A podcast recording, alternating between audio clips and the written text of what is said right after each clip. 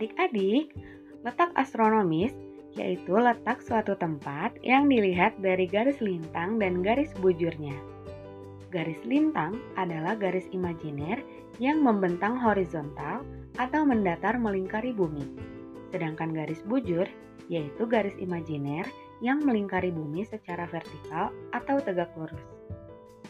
Garis lintang ada dua, yaitu lintang utara dan lintang selatan. Kedua garis ini dibatasi oleh garis ekuador atau garis katulistiwa. Jadi, untuk garis mendatar yang berada di sebelah utara garis katulistiwa disebut dengan garis lintang utara. Sedangkan untuk garis mendatar yang terletak di bawah garis katulistiwa disebut dengan garis lintang selatan. Garis bujur itu ada dua, yaitu bujur timur dan bujur barat. Kedua garis ini dibatasi oleh Greenwich Mean Time atau GMT.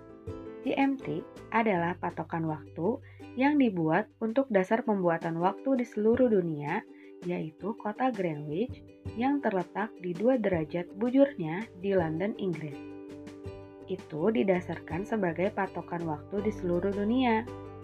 Nah, garis-garis ini adalah garis imajiner, yaitu garis hayalan yang dibuat untuk membantu manusia dalam membaca atau membuat peta.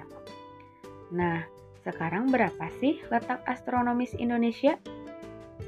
Indonesia terletak di antara 6 derajat lintang utara sampai 11 derajat lintang selatan dan 95 derajat bujur timur sampai 141 derajat bujur timur.